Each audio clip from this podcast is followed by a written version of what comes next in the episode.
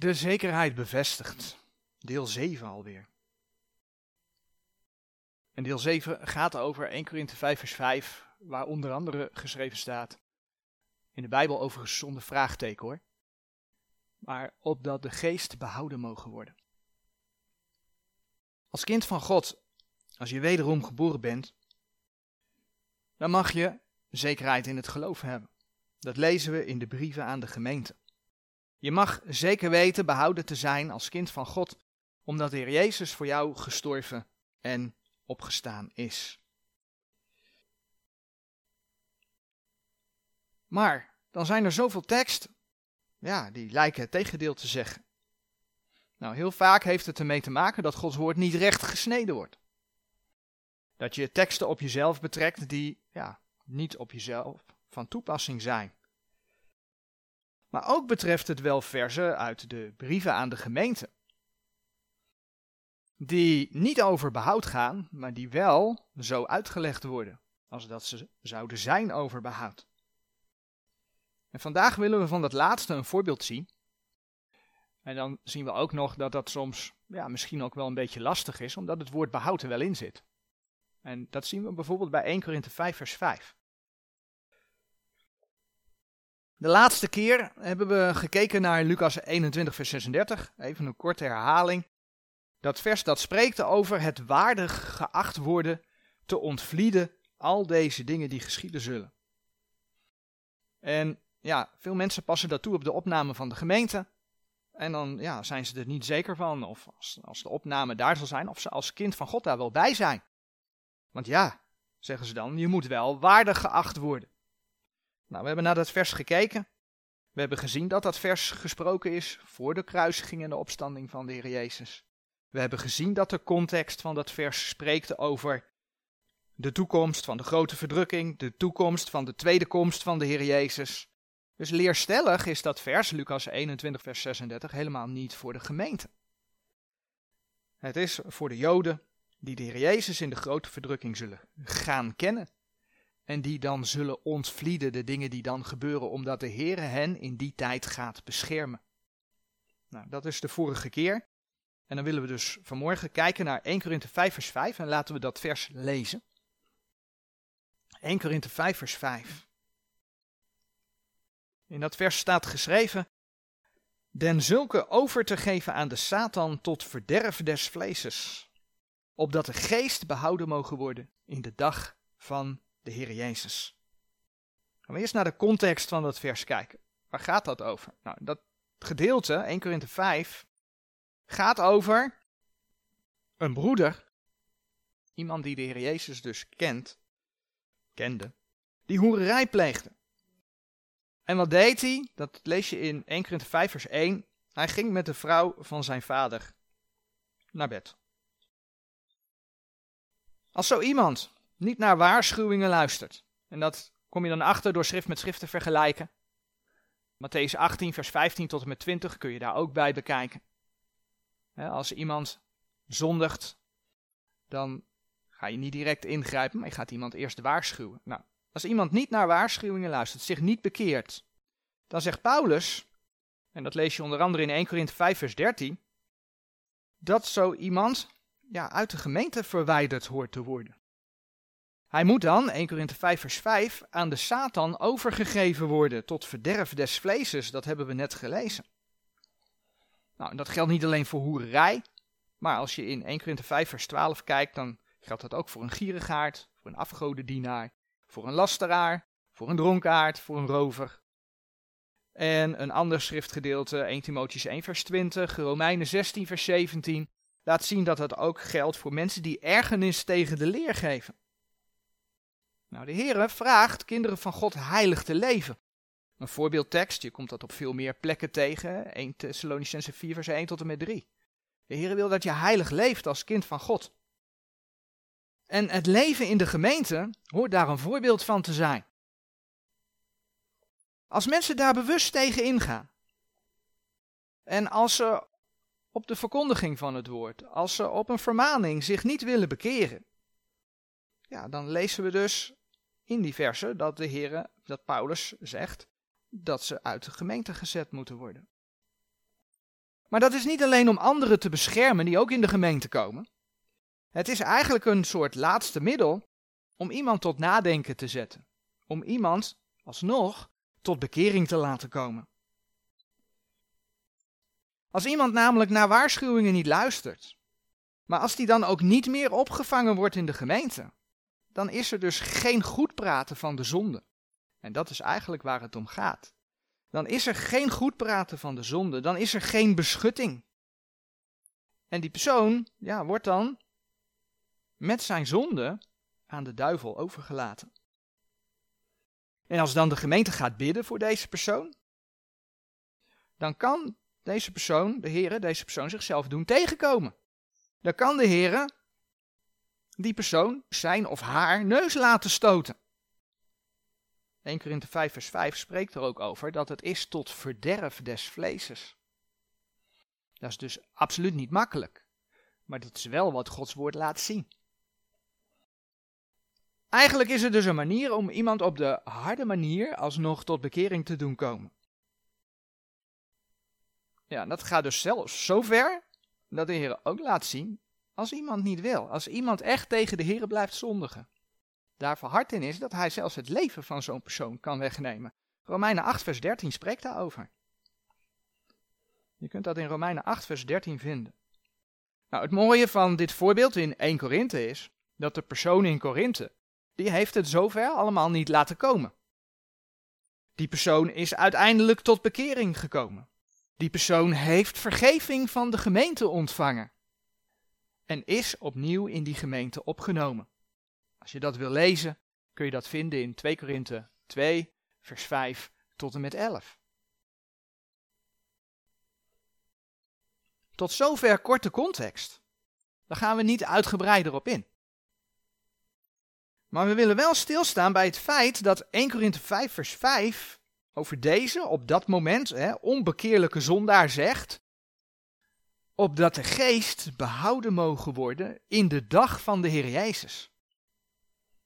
Want als je dat leest, betekent het dan dat deze broeder door zijn zonde en op dat moment een onbekeerlijk hart, dat hij verloren was.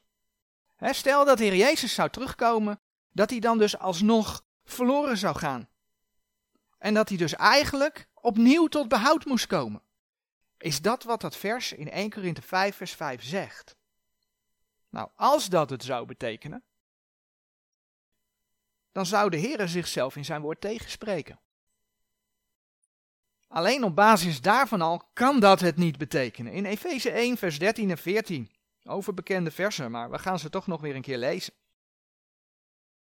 Staat wat er gebeurt als je tot geloof komt in de Heer Jezus Christus. Efeze 1, vers 13 en 14.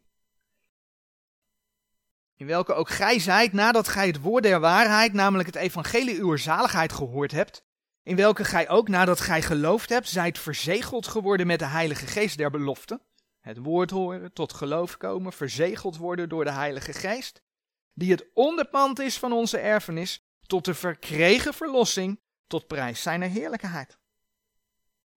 Deze broeder in 1 Korinthe die had de verlossing verkregen. Hij was tot wedergeboorte gekomen en bevond zich dus door de wedergeboorte in het lichaam van de Heer Jezus. dat weet je op basis van 1 Korinthe 12 vers 13, dat je door de Heilige Geest in zijn lichaam gedoopt wordt. En dan hebben we het over het lichaam, dan hebben we het over de gemeente. Ik zeg dan altijd de gemeente met hoofdletter. Niet de lokale gemeente, maar de gemeente, het lichaam van de Heer Jezus. Daar is hij onderdeel van. Dus die broeder was behouden. Nou, in 1 Korinthe 5, vers 5 en vers 13 lees je dan ook niet dat die persoon uit de gemeente met hoofdletter verwijderd is. Iemand die zondigt en die daar zo ver in gaat dat hij zo vasthoudend is. Dat de stap genomen moet worden om hem uit de gemeente te zetten. Dat gaat niet over het lichaam van de Heer Jezus. Dat kan helemaal niet. Als iemand wederom geboren is, dan is hij deel van het lichaam van de Heer. Maar hij kan wel uit de lokale gemeente gezet worden. Maar dat is dus wat anders. Nu gaat 1 Korinthe 5 vers 5 heel specifiek over de geest. He, opdat de geest behouden mogen worden. de zulke over te geven aan de Satan tot verderf des vlees, opdat de geest behouden mogen worden in de dag van de Heer Jezus. Wat je vaak ziet gebeuren, omdat dit vers over behoud spreekt, is dat men dat gaat toepassen op de ziel. Ik heb dat onder andere als voorbeeld gevonden in Dake Annotated Reference Bible Notes. Die zegt bij 1 Korinthe 5 vers 5 het volgende, en ik citeer een klein stukje. Alle lichamelijke kwelling die een mens kan overkomen, kan zijn geest niet redden, tenzij het hem tot bekering brengt. Het waren dus geen fysieke problemen die de ziel redden, maar berouw dat door beproeving teweeg werd gebracht. Eerst wordt het woordje geest gebruikt, daarna wordt het woordje ziel gebruikt, en dat wordt beide betrokken op het behoud. Dus ziel en geest worden in dat citaat eigenlijk tot hetzelfde bestempeld. En men spreekt dan over de ziel die gered wordt, terwijl de Heer over de geest spreekt. En die twee zijn niet hetzelfde. De Heer maakt niet voor niets onderscheid. We hebben daar vaker bij stilgestaan. 1 Thessalonicense 5 vers 23 spreekt over dat de mens een ziel heeft, een geest heeft en een lichaam heeft. Dat zijn drie verschillende dingen. Doordat men van geest en ziel hetzelfde maakt, ja, gaat men dat ook op het behoud betrekken. En dan bedoel ik met behoud het eeuwige leven. dat je het eeuwige leven van de Heer gekregen heeft. Maar dat kan dus niet. Want het betreft een broeder die zondigt. Dus het kan niet over het behoud gaan in die zin van het eeuwige leven verkrijgen of verliezen. Als je naar het onderwerp geest, ziel en lichaam gaat kijken, en je gaat in Gods woord op zoek en wat ik nu ga zeggen vind je onder andere in Lucas 16, vers 19 tot en met 31 en, en Openbaring 6, vers 9 tot en met 11. Dan zie je dat het de ziel is die jouw persoonlijkheid maakt, bepaalt. Dan zie je dat het de ziel is die naar de hemel gaat of, bij ongeloof, naar de hel gaat. Je geest is adem. En die wordt weliswaar geestelijk levend bij de wedergeboorte, maar zelfs in het Oude Testament lees je dat als de ziel ja, of naar het paradijs ging, hè, in het hart van de aarde, het paradijs, Abrahams schoot, of naar de hel ging, ook in het hart van de aarde, dan lees je dat de geest van de mens terugkeerde tot God. Prediker 12, vers 7. Als het om het eeuwige leven gaat, dan gaat het niet zozeer om je geest, om je adem, maar het gaat wel om je ziel. In Matthäus 16, vers 26 lezen we bijvoorbeeld.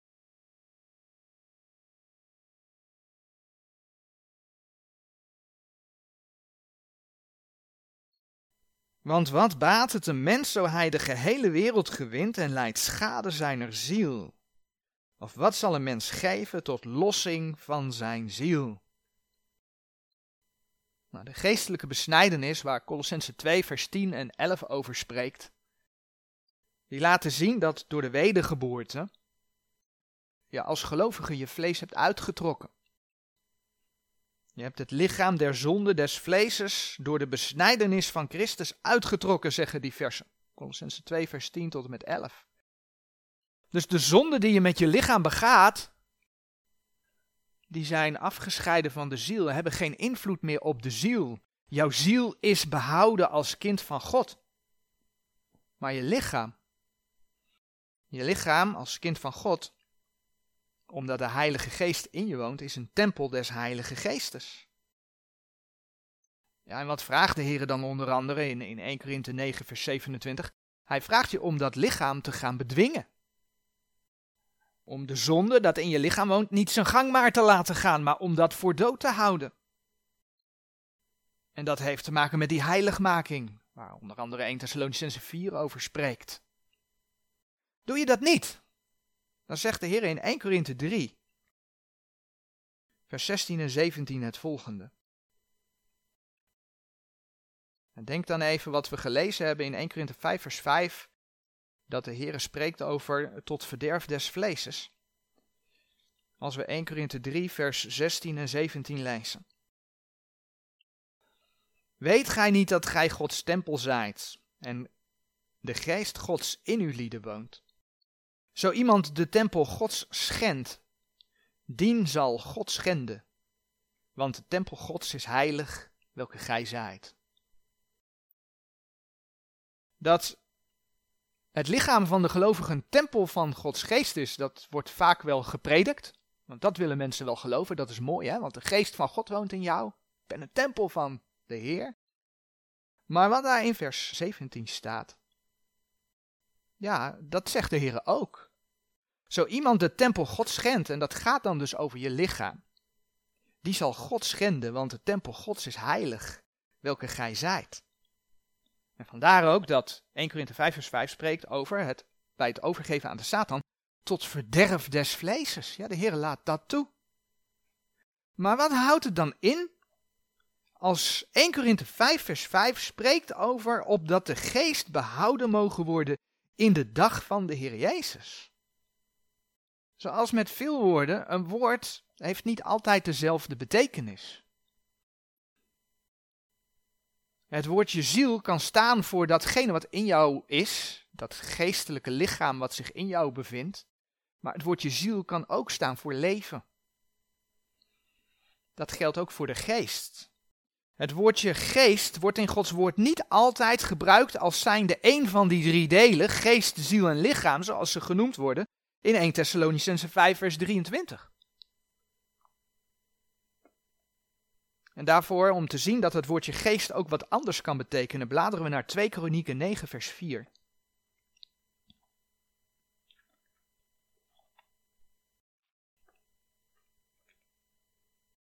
De geschiedenis van de koningin van Sheba, die op bezoek was bij koning Salomo. En dan lezen we in 2 Kronieken 9 vers 4 wat er met de koningin van Sheba gebeurde. Laten we vanaf vers 3 lezen. Als nu de koningin van Sheba zag de wijsheid van Salomo en het huis dat hij gebouwd had, en de spijzer zijner tafel, en het zitten zijner knechten, en het staan zijner dienaren, en hun kledingen, en zijn schenkers en hun kledingen, en zijn opgang waardoor hij opging in het huis des Heren, zo was in haar geen geest meer. Zo was in haar geen geest meer.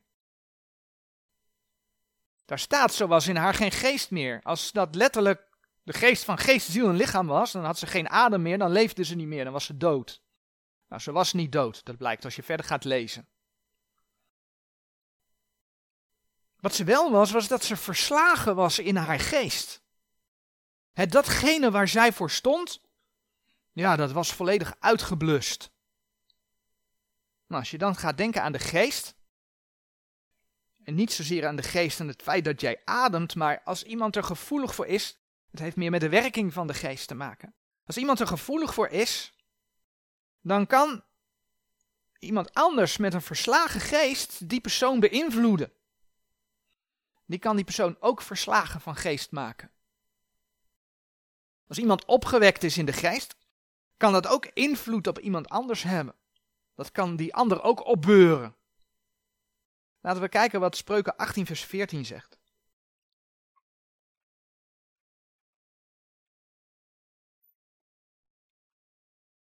Spreuken 18, vers 14.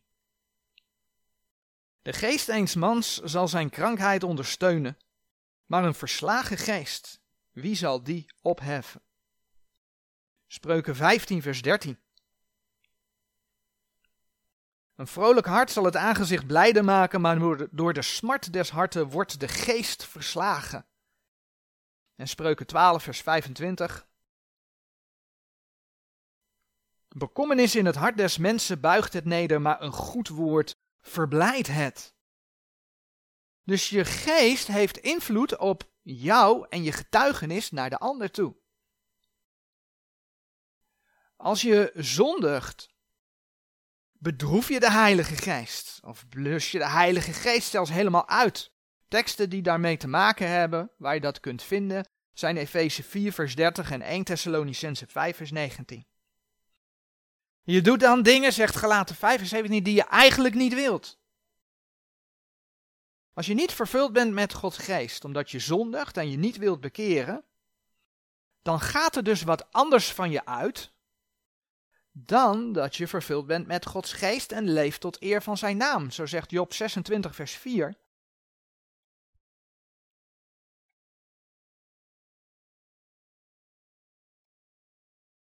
Job 26, vers 4. Aan wien hebt gij die woorden verhaald? En wiens geest is van u uitgegaan. Er kunnen dus verschillende dingen van jou uitgaan en dat hangt ervan af. Ben jij met je, met je menselijke geest bezig? Laat je je leiden door de antichristelijke geest, wat ook kan als gelovige. Ja, Ananias en Safira hadden hun hart vervuld met de duivel, zegt uh, handelingen, handelingen 5. Of laat je leiden door Gods geest. Wat gaat er van jou uit? Wat is jouw getuigenis? Daar komt het eigenlijk op neer. En zo kan je dus je eigen geest breken. Gaan we terug naar Spreuken, Spreuken 15, vers 4. Spreuken 15, vers 4. De medicijn der tong is een boom des levens, maar de verkeerdheid in dezelfde is een breuk in de geest. En Spreuken 17, vers 22.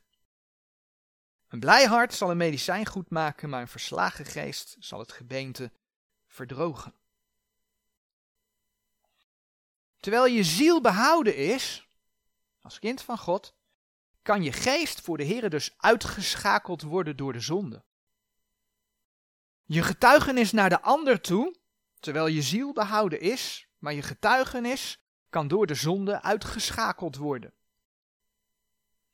En besef dat alle verkeerde keuzen die je in je hart en je geest maakt voor de rechterstoel van Christus weggedragen moeten worden. 2 Korinthe 5 vers 10 is daar heel duidelijk in.